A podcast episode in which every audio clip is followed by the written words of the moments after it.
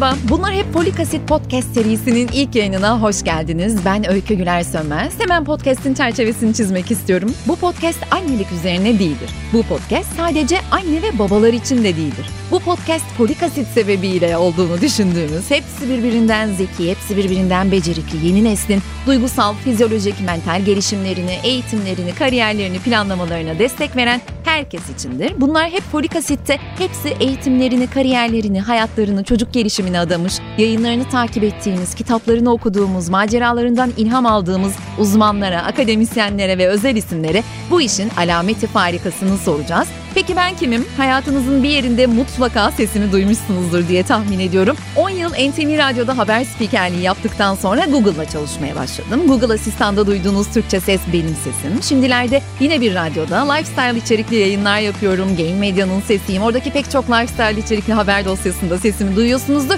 Ve tabii sayısız markanın kurumsal sesiyim. Reklam seslendirmelerini yapıyorum. Mutlaka birine denk gelmişsinizdir. Şimdi Bunlar hep Folik Asit Podcast serisinde ilk konuğum benim için ayrı kıymetli, Türkiye için ayrı kıymetli bir isim. Podcast ve YouTube kanalımda ilk konuğum olur musunuz hocam demiştim. iki yıl önce pandeminin başlarında. Olurum demişti. Gerçekten de sözünü tuttu. Sevgili hocam Profesör Doktor Selçuk Şirin bizimle. Hoş geldiniz hocam. Hoş bulduk. Teşekkürler. Ayaklarınıza sağlık. Şimdi ben sizinle her söyleşimde aynı soruyu soruyorum. Gerçi ayaklarınıza sağlık dedim ama e, siz şu an New York'tasınız.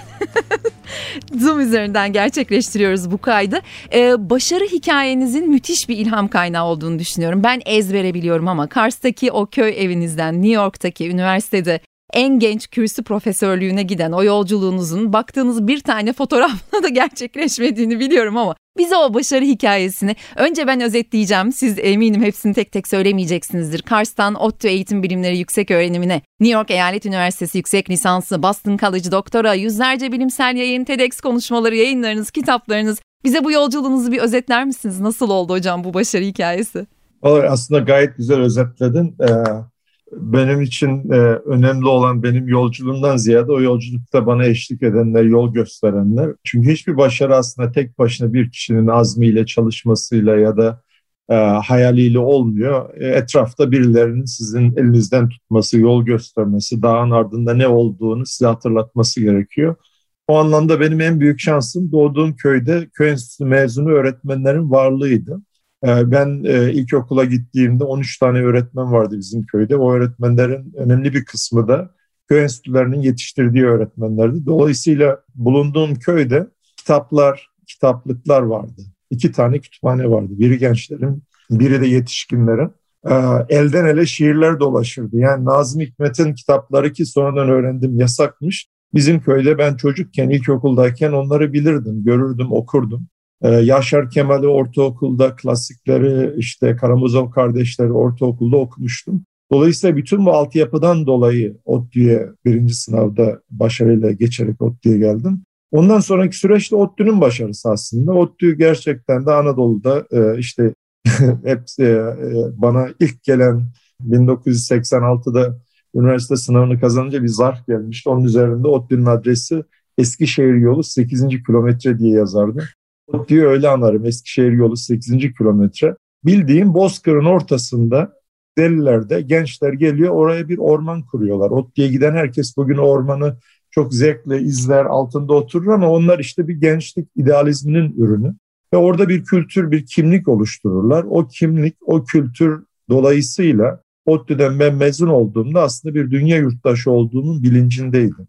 Öyle olduğu için de oradan Amerika'ya gelince mesela üniversiteye burada lisans, yüksek lisansa başladığımda fark ettim ki bizim 1980'lerde ODTÜ'de aldığımız eğitim aslında Amerika'da lisans hatta yüksek lisans belki de doktora seviyesinde bir eğitimmiş. Son derece kaliteli öğretmenlerimiz vardı, öğretim üyelerimiz vardı. Ve orada sadece ODTÜ'lü, ODTÜ'de aldığımız derslerle değil, ODTÜ'lü olmanın verdiği bir ortak bilinçle de ikinci bir diploma almışız. Onu da sonradan fark ettim. Ee, sonraki yıllarda bu kavramın tabii ne olduğunu araştırdığım için e, öğrendim ki sosyal sermayeymiş o kavramın adı. Ee, özetlersek aslında ortada benim başarımdan ziyade işte Cumhuriyet'in ilk yıllarının e, başarısı var. E, Cumhuriyet'in sonra e, kuşağının kurduğu ODTÜ'nün e, başarısı var, Türkiye'nin başarısı var. Siz her e, LGS öncesinde çocuklara sosyal medya hesabınızdan öğrencilere bir mektup yayınlarsınız ve az önce sözünü ettiğiniz o cümle de orada yer verdiğiniz önemli tanımlardan biri aslında. Bir üniversiteye gittiğinizde sadece bir üniversiteye gitmiş olmuyorsunuz. Aynı zamanda da bir kimlik kazanmış oluyorsunuz. Bir kültür kazanmış oluyorsunuz. En önemlisi de buna göre tercih yapmak o zaman değil mi hocam? Kesinlikle yani eskiden hani bundan 50, 100, 200 yıl önce üniversite dediğimiz eğitim kurumu dediğimiz yer aslında bilgiyi almanın e, tek yoluydu. Yani gidiyordunuz okula mesela hani biz yine dönersek köyde herhangi bir okula giderdiniz öğretmene sorardınız. İşte orada kaynaklar, ansiklopedi falan ne varsa oradan öğrenirdiniz. Şimdi okula gitmenize gerek yok. Bilgi almak için hani Google'a baktığınız zaman hemen bütün bilgilere ulaşabiliyorsunuz. Öğretmenlerden daha hızlı ulaşabiliyorsunuz. Dolayısıyla artık bilgi edinme yeri değil. Beceri olarak da baktığınız zaman okulda edindiğimiz beceriler bir üniversite diplomasıyla mesela aldığımız beceriler 3-4 yıl sonra eskiyen beceriler. Yani bilgi hızla değişiyor, beceri setleri değişiyor. Dolayısıyla artık üniversitenin maksadı e, meslek kazandırmak, beceri kazandırmak olmaktan çıktı. Peki ne maksadı var üniversitenin bütün bunlar çıkarttığınızda geriye ne kalıyor? İşte orada sosyal sermaye kalıyor. Kimi tanıyorsunuz, kiminle oturuyorsunuz, kiminle kalkıyorsunuz. Yani e, şeyin e, bir şiir üzerine, bir roman üzerine, bir e, güzel kitap üzerine sohbet etmenin verdiği bir kimlikten söz ediyorum. Yani bir romanda ben e, şimdi dönüp en iyi dostluklarıma baktığım zaman hem üniversitede hem sonraki dönemde edebiyat üzerine yapılır, bilimsel çalışmalar üzerine yapılır, hayaller üzerine yapılır. İşte bütün bunların olması aslında sizin kimliğinizi zenginleştiriyor. Ondan sonra ne oluyor? Hayata atılıyorsunuz üniversiteden sonra. Ve aklınıza mesela bir proje geliyor. Diyorsunuz ki ya orada birisi vardı o da bunu dert ediyordu. Belki onunla birlikte bir şey yapayım diye. Aradan geçmiş 30 yıl biz bu yaz yine ODTÜ'lü arkadaşlarımızla bir araya geldik. Ee, yine acaba ne yapalım ne edelim diye e, o fikir alışverişinde bulunduk. Yine işte birbirimizin derdine derman olmaya çalıştık. O kimlik olmadan üniversiteden mezun oluyorsanız o diplomanın size bir faydası yok. Sizin üniversiteden asıl, hele bu çağda asıl alacağınız şey sosyal sermaye. Ne kadar kıymetli. Ee, şimdi Yetişin Çocuklar kitabınıza dönmek istiyorum. Benim siz de gördüğünüz neredeyse her satırını sarı kalemlerle çizdiğim evet. bir rehber kitaptır. Bir tek benim için değil eminim pek çok dinleyici için de öyledir. Şimdi bebeklikten ergenliğe bir çocuk yetiştirme kılavuzu olarak tanımlıyoruz ve Profesör Doktor Selçuk Şirin'in çocuk yetiştirirken uygulanabilir çözümler arayan herkese diye kaleme aldığı bir rehber aslında. Orada İlk altını çizdiğim cümleyle ilgili bir şey sormak istiyorum. Bir çocuğu yetiştirmek için bir köy gerekir diyorsunuz ama gelin görün ki biz şimdi bırakın bir köyü bazen çekirdek aileyi bile bulamıyoruz çocuğu yetiştirmek için. Bu çocuklar peki nasıl yetişiyorlar hocam? Çok haklısın. Şimdi ben o kitabı yazarken hem kendi tecrübelerimden tabii e, bir geçen çocukluk sonuçta benimki hem de kendi ebeveynlik tecrübelerinden yaşadım, e, yararlandım. Ebeveynlik tecrübemle sonuçta ben de iki çocuk yapıyorum. Ve onu sizin dediğiniz gibi, yani bazen siz bazen sen diyorum öyküye dinleyenler için söylüyorum. Biz aynı zamanda arkadaşız, zaman zaman kahve de evet. içiyoruz. sen, sen deyin hocam lütfen. bazen, bazen çünkü böyle siz sen karışınca yorumlarda yazıyorlar işte neden saygısızlık yaptın da ona sen dedin. Aa, estağfurullah. Demek için söyledim. Ee, şimdi o tecrübe yani bir taraftan hakikaten ben de çocuklarımı e, küçük çekirdek bir ailede yetiştiriyorum.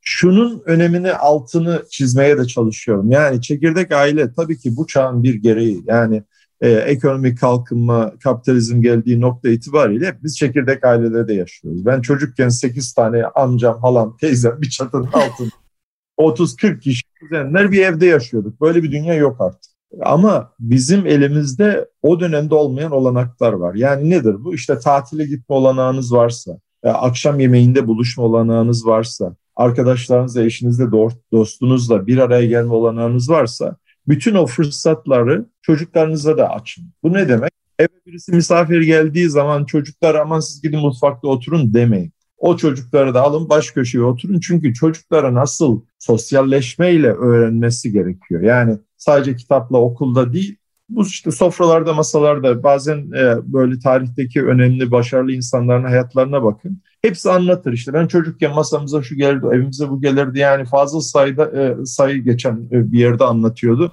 Evet. Ev e, yemekleri anlatıyor. Şimdi bakıyorsunuz herkes orada.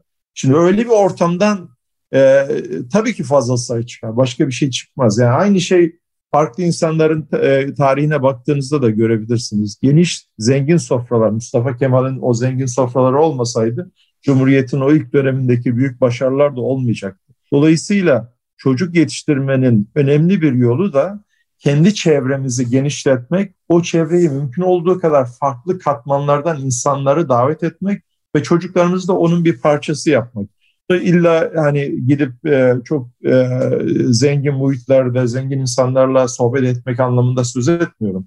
Nereden olursa olsun çocukların farklı yaşam tarzları olduğunu, farklı inanç sistemleri olduğunu, farklı politik yaklaşımlar olduğunu, farklı hayat biçimleri olduğunu sezmesi, öğrenmesi onların dünyasını zenginleştiriyor. Onu kastediyorum. Çocuğunuza sıkılması için zaman yaratın dersiniz her zaman ki biz yeni nesil anne babalar o çocukları nasıl oyalasak diye planlar yaparak, hazırlıklar yaparak, önlerine pek çok malzeme koyarak onlarla sözde kaliteli vakit geçirmeye çalışıyoruz. Çocuğu kendisiyle baş başa bırakın sıkılsınlar. Bütün yaratıcılıkların anası sıkılmaktır diyorsunuz. Ön söz diye bütün evlerin duvarına asılmalı bu. Nasıl yani hocam?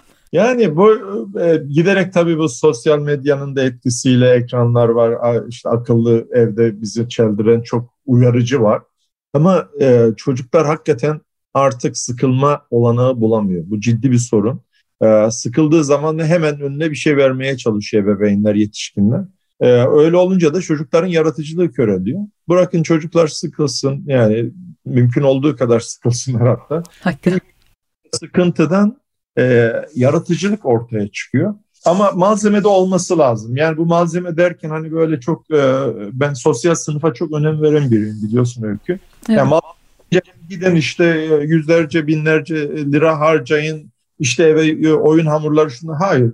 Herkesin evinde mutfak var. yani e, un en ucuz şey. Hiçbir şey bulamıyorsanız unu verin çocuğun eline biraz da su verin. Bakın o çocuk neler yap. Çamur var dışarıda çamura batsın çocuk üstü başı pislensin. Yani bir, biraz çocuğun kendisiyle baş başa olma ve bozma kırma olanağı da olması lazım. Buna tinkering diyoruz. Bu kavramı Türkiye'ye kazandırmak için biraz uğraştım e, aslında. Tinkering demek bozmak demek, yapmak değil bozmak. Dünyada inovasyonlara baktığınız zaman o kadar fazla inovasyon var ki kazar ortaya çıkan. Yani pek çok ilaç mesela kazar ortaya çıkıyor. Yani baktığınız zaman e, Madame Curie'nin deneylerine başarılı deneyler değil, başarılı deneyler daha çok inovasyon çıkıyor. Çocuklarımızın başarısız deney yapması lazım. Bunun için de önce sıkılacaklar ondan sonra da bütün malzemeleri verin önüne onlar bir süre sonra bozmaya başlayacak. Evde bilgisayar varsa, telefon varsa, radyo varsa, elektronik e, herhangi bir aygıt varsa bozulmuşsa verin çocuklarınız oynasın.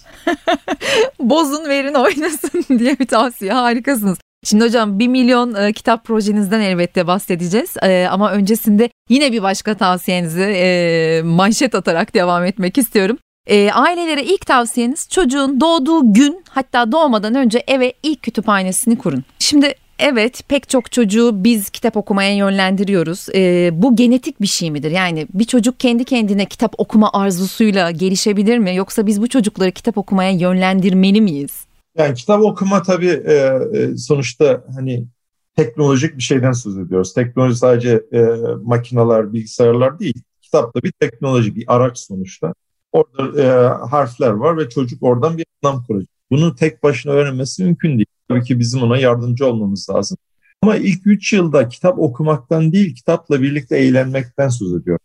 Diyalogdan söz ediyorum. Çocukla birlikte bir dans gibi düşünün bunu. doğmadan önce de başlayabilirsiniz. Yani evinde köpek olanlar bunu çok iyi bilir. Çocuk da, daha doğum, e, hamilelik döneminde köpek sesine alışkın olan do, olarak doğan bebekler köpekle uyum sürecinde ya da kediyle uyum sürecinde sıkıntı çekmiyorlar. Ya da babanın sesine alışkın olarak doğduğu zaman babanın sesine yabancılık çekmiyor. Kitap okumak da böyle bir şey. Hani doğum e, öncesinde başlayın demiyorum ama doğduktan sonra o ses zaten yani bir yaşına gelinceye kadar, iki yaşına gelinceye kadar çocuğun anlaması mümkün değil. Ama ses tonuyla, mimiklerle, dansla, ritimle biz duygulanımlarımızı o bebeklere verebiliriz. Bebeğin varlığını ona hissettirebiliriz. Zaten sözünü ettiğimiz Diyaloğa dayalı okuma bu. Meraklı olanlar tam olarak neyi kastettiğimi kitap okumak değil, bebekle birlikte kitap üzerinden diyalog kurmaktan söz ediyoruz. Meraklı olanlar 1 milyon kitap.com adresine gidip orada videolara bakabilirler. Biz oraya bir sürü video koyduk. Hatta Cem Yılmaz sağ olsun o videoların bir kısmında o da oynuyor. Amacımız Türkiye'de ilk 3 yılda evinde kitap olmayan 1 milyon aile doğuyor her sene. 1 milyon aile. O 1 milyon ailenin çocuğu yani 1 milyon çocuk kitapla ilk defa 6 ya da 7 yaşında tanışıyor. Şimdi bir düşündüğün zaman mesela e, senin e, de çocuğun var, benim de çocuğum var. Bizim çocuklar şanslı çünkü doğdukları gün evde kitaplar vardı ve onların yaşına uygun kitaplar vardı. Ve biz kitap okumanın önemini biliyorduk. Ama bunu bilenlerin oranı Türkiye'de yüzde yani yaklaşık 200 bin bebek. Toplam e, bizde 1.2 milyona yakın bebek doğuyor her sene. 200 bin bebek avantajlı grup. Bunlar doğuştan itibaren kitaplarla haşır neşir oluyor. Kitaplarla haşır neşir olduğu için beynin en hızlı geliştiği o ilk 3 yılda %95'i fiziksel olarak gelişiyor beynimizin. Plasticity dediğimiz yani en oynak, en gelişmeye müsait dönem. Ne oluyor? O dönemde çocukların ihtiyaç duyduğu o gıdayı biz konuşarak, dans ederek, sesle, sözle, duygulanımla kitaplar üzerinden veriyoruz. Geriye kalan 1 milyon çocuk bundan mahrum yetişiyor ve onlar ilk defa kitapla 6-7 yaşında tanışıyor. Şimdi bu 6-7 yıllık açığı kapatmadan Türkiye'de başta eğitim olmak üzere hiçbir sorunu çözemezsiniz. Türkiye'nin en temel sorunu hani dönüp dolaşıp geldiğiniz en temel sorun nedir derseniz bu iki grup arasında doğuşta başlayan okula gelince perçinlenen ve bir daha kapanmayan açıktır derim. 30 milyon kelime farkı da tam olarak bu açığa mı denk geliyor? Kesinlikle yani o e, Amerika'da yapılan bir araştırmadır 30 milyon kelime. Özetle diyor ki birinci grup yani o yüzde yirmiye dönersek hani iki grup var dedik ya yüzde yirmi kitaplarla haşır neşir olan grup sürekli diyalog içerisinde olduğu için 30 milyon kelimeyi duyuyor. Aynı kelimeyi defalarca duymak tabii ki söz konusu burada. 30 milyon kelime, farklı kelime duymaktan söz etmiyoruz. Ama çocuk gün içerisinde yani 4 yaşına gelinceye kadar o ilk 3-4 yıllık süre içerisinde yaklaşık İngilizce'de 45 kelime 45 milyon kelime duyuyor. Birinci Türkiye'de dönersek yani hani yüzde 80 dedim ya 1 milyon kitapların olmayan. O grubun Amerika'daki karşılığına baktığımız zaman orada da 15 milyon kelime duyuyor. 4 yaşına gelince çocuk. Şimdi bir tarafta 15 milyon kelime var, bir tarafta 45 milyon kelime var. Aradaki fark 30 milyon kelime. İşte o da meşhur kitabın ve araştırmanın ismi. Kelime açığını kapatmak için Amerika'da yıllardır, 10 yıllardır doğuştan itibaren çocuklara kitap okuma alışkanlığı kazandırılıyor. Artık bu çok ciddi bir sorun değil. Belediyeler, hükümet, kurumlar, okullar bu açığı kapatmak için pek çok proje geliştirdi. Amerika'da herhangi bir kitapla kitapçıya giderseniz mesela Barnes Noble var bizim evin yanında. Şimdi o kitapçıya gittiğiniz zaman kitapçının en büyük bölümü çocuk kitaplığı bölümüdür. Yani binanın kitaplığın yüzde yetmişi, yüzde altmışı çocuklara ayrıdır. Onun içerisinde de bebek kitaplığı neredeyse yarısıdır. bebek kitaplığı. Bakın bebek kitaplığıyla çocuk kitaplığı ayrı şeyler. Bebek kitaplığı da e, paragraf olmaz. Resimler renklidir, canlıdır. İşte ilk senelerde kartondur çünkü her şey bebeğin ağzına girer. Bunu da tabii Türkiye'de çok gelişmiş değil bu sektör. İşte biz 1 milyon kitap projesiyle biraz da bunu da canlandırmaya çalışıyoruz. 1 milyon kitap projesini biraz daha ayrıntılandıralım hocam bence dinleyiciler için. Eğer bilmeyenler varsa ben ezbere biliyorum ama size soracağım. Çıkış noktanız tam olarak bu 30 milyon kelime farkı. Hedef evinde kitaplığı bırakın bir tane kitabı bile olmayan çocuklara 1 milyon çocuğa e, kitapları ulaştırabilmek. Hem e, 1 milyon kitap.com'dan e, kendileri kitap alabiliyorlar hem de bağışta bulunabiliyorlar değil mi? Evet tabii bağış demiyoruz Or- orada çünkü vakıf olmadığı için sıkıntı oluyor. Teknik bir terim. Ben, ben de bazen öyle diyorum sonra bizim ekip uyarıyor beni. Bu bir sosyal gelişim projesi. E, 1 milyonkitap.com adresine gittiğinizde bütün detaylar orada var ama şöyle istiyor sistem. E, siz gidiyorsunuz diyorsunuz ki benim bebek kitaplığına ihtiyacım var. Param da var satın almak istiyorum. Biz size iki tane değişik setimiz var. Birini ben yazdım, birini de Türkiye'nin önemli kalemleri işte. Onların içinde Zülfü Livaneli var, e, e, Yankı Yazgan hocamız var. E, eminim onu da davet edeceksindir sen bu seriye. Aynen. E, Ahmet Güneştekin ressam e, arkadaşım bir e, kitap hazırladı. Sezen Aksu ilk defa çocuklar için bizim için altı kitaptan oluşan öyle bir setimiz var. Şimdi gittiğinizde web sitemize bu setleri satın alabiliyorsunuz. Dolayısıyla 12 kitaplık bir e, bebek çocuk kitaplığınız oluyor. Paranız yoksa oraya deyin ki benim param yok ama bana ücretsiz siz gönderin. Orada sıraya giriyorsunuz. Biz yaptığımız oranda sırada bekleyenler ücretsiz kitap gönderiyoruz. Yani siz kitap satın aldığınız zaman aslında bir aileye de kitap göndermiş oluyorsunuz otomatik olarak.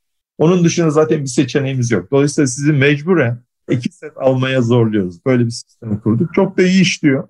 Ne kadar yaklaşık yani 700 bini geçtiğini tahmin ediyorum. Ee, kitap attık ücretsiz olarak. 1 milyona varmak ondan sonra da bunu her sene tekrarlamak. Yakında da Ocak ayında da e, gerçi bu podcast uzun zaman izlenecektir. O yüzden rakamlara kendileri gidip baksınlar. Yakında güzel yeni bir projeyle de bunu renklendireceğiz.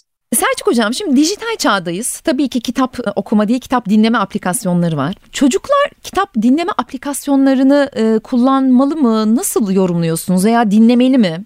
Şimdi çocuğun yaşına bağlı. Ee, çocuk derken hani ilk 3 yaşta bence mümkün olduğu kadar bütün bu elektronik aygıtlardan, ekran dahil çocuğu uzak tutmak gerekiyor. Tabii bu böyle deyince hani 3 yaşında hocam bu iş kolay değil diyen ebeveynler var. Çünkü çocuk görüyorsun denizde. Hani dünyanın sonu değil ama mümkün olduğu kadar geç ekranla tanışması gerekiyor. Sesli e, kitapların ilk 3-4 yılda e, ben hiç tavsiye etmiyorum. Çünkü önemli olan diyalog. E, yani Türkiye'de böyle projeler de görüyorum. Çok üzülüyorum. Senin aracılığınla ben buradan ebeveynlere bir kere daha belki sesleneyim. E, ilk 3 yılda hatta ilk 4-5 yılda sesli kitap çocuklar için faydalı değil. Çünkü önemli olan kitabın okunması değil, önemli olan diyalog. Yani çocuğa siz bir, bir şey söylüyorsunuz, o başka bir şey söylüyor. O kitaptaki bir kelimeden, bir e, fotoğraftan yola çıkarak siz sohbet edeceksiniz. Amaç bu. Amaç kitabı okumak değil. Kitapla birlikte çocukla olan diyalogumuzu zenginleştirmek. Dolayısıyla hiç tavsiye etmiyorum. Çok da e, yani bu konuda aslında oturup biraz da yazı, yazıp çizmem lazım. İnsanları uyarmam gerekiyor. Okul öncesi dönemde sesli kitapların e, faydalı olduğunu inanmıyorum. Özellikle çalışan annelerin kolayına geldiğini düşünüyorum itiraf etmek gerekirse. Burada kolaya kaçmamak gerekiyor. Ee, şimdi dijital çağdan devam etmek istiyorum. Ee, şunu, da belki öykü yanlış anlaşılmasın. Sonraki dönemler için yani çocuk okumaya yazmaya başlıyor. Ve ondan sonra podcast işte bizim yaptığımız da sonuçta e, sözlü bir kitap e, gibi düşünebilirsiniz. Yani bu çağın bir gerçeği. Benim çocuklarım mesela elinde kitap almıyorlar bazen. E, sesli kitapla e, klasikleri okuyorlar ya da dinliyorlar. Ben okuyorlar diyorum halinde. Hiçbir sıkıntı yok. Bu çağın teknolojisi bu. Orada bir sıkıntı yok. Ee, şimdi maalesef teknolojiye bağımlı hale gelen bir yeni nesil söz konusu. Ee, biz anne babalar da yazık e, koskocaman bir sektöre karşı ki çocukları bağımlı hale getirmeye e, dayalı bunun üzerine faaliyet gösteren bir sektöre karşı kürek çekiyoruz gibi hissediyorum. Sizin de çocuklarınız var. Eminim teknolojiyle ilgili deneyimleriniz olmuştur. Peki nasıl yönlendirmek, ne kadar kısıtlamak lazım? Arada o çatışmaya girmeden çocukları teknolojik anlamda nasıl yönetmek lazım? Valla çatışmaya girmeden yönetmek zor. E, ortada bir çıkar çatışması var. Bir tarafta sizin de dediğiniz gibi milyarlarca doları çocukları ekrana bağlamak için e, kullanan şirketler, büyük şirketler var. Bir tarafta da işte biz ebeveynler var. O şirketlerin tabii gücü e, ne e, neyin e, çocukları ekrana bağladığını biliyorlar. Yani e, tıpkı böyle hani uyuşturucu satıcıları gibi onlar aslında en uyuşturucu olan ekran içeriğinin ne olduğunu biliyorlar. Öyle olduğu için de işte çok yeni yeni oyunlar çıkarttıklarında hep bu uyuşturucu kapasitesi yüksek oyunlar çıkartıyorlar. Fakat onların elinde olmayan bir şey. Bir şey. Evin kontrolü bizim elimizde. Yani evin her ortamında ne olacağı. Bir de çocukların e, saatini programlamasını yapma fırsatımız var. Bu fırsat erken yaşlarda var. Yani çocuklar 10'lu yaşta geçtikten sonra olanağınız biraz azalıyor. Evin dışına çıkıyorlar sonuçta. Dolayısıyla mümkün olduğu kadar erken yaşta itibaren ekran zamanını ve ekran mekanını e, planlamanız gerekiyor. Yani 5-6 yaştan itibaren çocuklar yavaş yavaş bu işlere bulaştığında mümkün olduğu kadar çocukla oturup bir plan yapmanız lazım. Yani hafta içi e, işte oyun yok, hafta sonu şu şu saatlerde olacak ve şu şu koşullarda olacak. Yani ödevini bitireceksin, işte derslerini yapacaksın, şunu şunu. Ondan sonra kalan vaktinin şu kalanını buraya harcayacağız. Bu ama dediğim gibi 7-8 yani ilkokul dönemi için geçerli. Şimdi belli böyle bir sistem oturttuktan sonra ortaokul, liseye gelince zaten sizin kontrolünüzden çıkacak bir süreçten söz ettiğim için erken yaşta altyapıyı sağlam kurarsanız, çocuk olan diyaloğunuz, bu müzakere sürecinizi iyi oturtursanız orta lise döneminde biraz daha rahatlarsınız. Ama bu şu anlamına gelmiyor hiçbir zaman. Yani tartışma olmayacak. İşte böyle bir dünya yok. Şimdi şunu da belki çocuk gelişimine dair ilk başta da belki bunu vurgulamam gerekiyordu. Şöyle bir şey oluyor. Ya benim çocuğuma ben söyledim işte ve o da uydu hiçbir sıkıntı yok hocam. Herkes o çocuğa bakıyor diyor ki ya o yaptı ben niye yapamıyorum? Şimdi genelde o yaptı ben niye yapamıyorum diye bakılan örneklerde şöyle bir şey var. Tek çocuk var ortada ve o çocuğun mizacı var ve o aile o mizacın olduğunu inanmıyor. Yani diyor ki, ben böyle yaptım o yüzden çocuğum böyle yapıyor. Yani senin yaptığı bebeğinliğin çocuğun mizacıyla karıştırıyor. Şu demek mesela bir çocuk hakikaten düzenli, ödevlerini zamanında yapıyor. Hiç ebeveynin müdahalesini e, gerek duymadan ekranla ya da başka bağımlılıklarla başa çıkabiliyor. İdeal çocuk. Böyle bir çocuk, böyle çocuklar var. Şimdi sanıyoruz ki o çocuğu ortaya çıkaran tek neden o ebeveynin, o annenin ya da babanın e, başarılı uygulamaları. Değil. Çocuktan yani, kaynaklanıyor. Çocuktan da kaynaklı da var orada. Çocuktan da kaynaklı doğuştan gelen mizaç dediğimiz kişilik özellikleri, karakter özellikleri var. Şimdi o aileye ikinci çocuk gelince zaten onlar uyanıyorlar. Yani hocam o yüzden iki çocuğu olan ebeveynlere e, mizacı anlatmak çok kolay.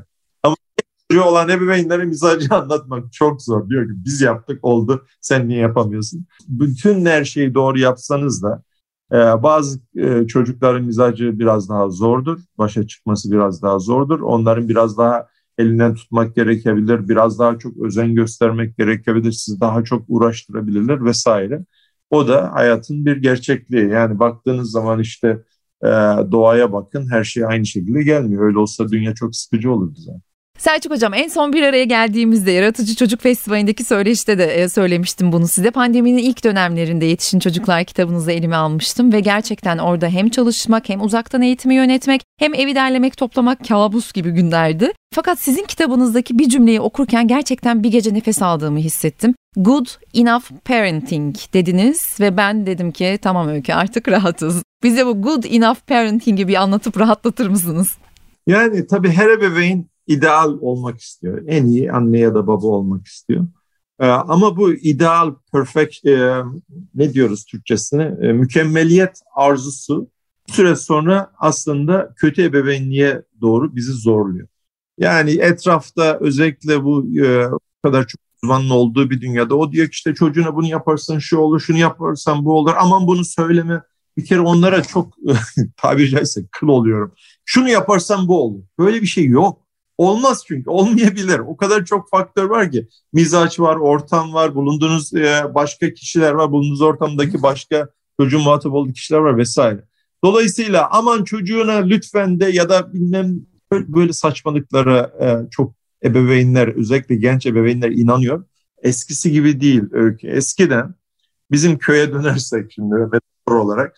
Şimdi bizim köyde annem ve babam ben ilk çocuğum beni yetiştirmeye başladıklarında ebeveynliği bilmiyordu.